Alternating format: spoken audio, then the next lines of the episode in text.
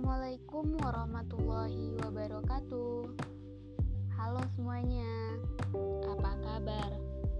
Semoga semuanya sehat selalu ya. Oke, sebelum lanjut, perkenalkan, namaku Riza Delvina, mahasiswa baru program studi teknik sipil Institut Teknologi Sumatera. Sekarang aku akan bercerita mengenai dibagi menjadi tiga tahap, yaitu jangka pendek, jangka menengah, dan jangka panjang. Pertama, dalam jangka pendek, aku harap awal perkuliahan yang diawali oleh tahap persiapan bersama atau TPB dapat kulalui dengan lancar dan tanpa kendala. Selanjutnya, aku dapat mengikuti dan menjadi bagian dari organisasi-organisasi yang ada di ITERA.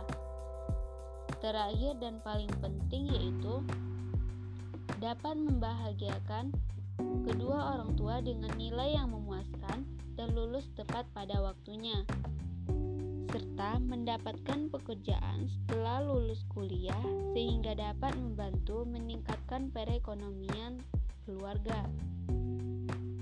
Aku yakin kalian juga memiliki keinginan-keinginan seperti ini, bukan?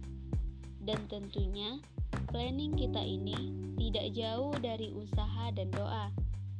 Untuk itu, kita semua tetap semangat dan terus bersyukur ya. Aku juga termotivasi dari quotes, keberhasilan bukanlah milik orang yang pintar.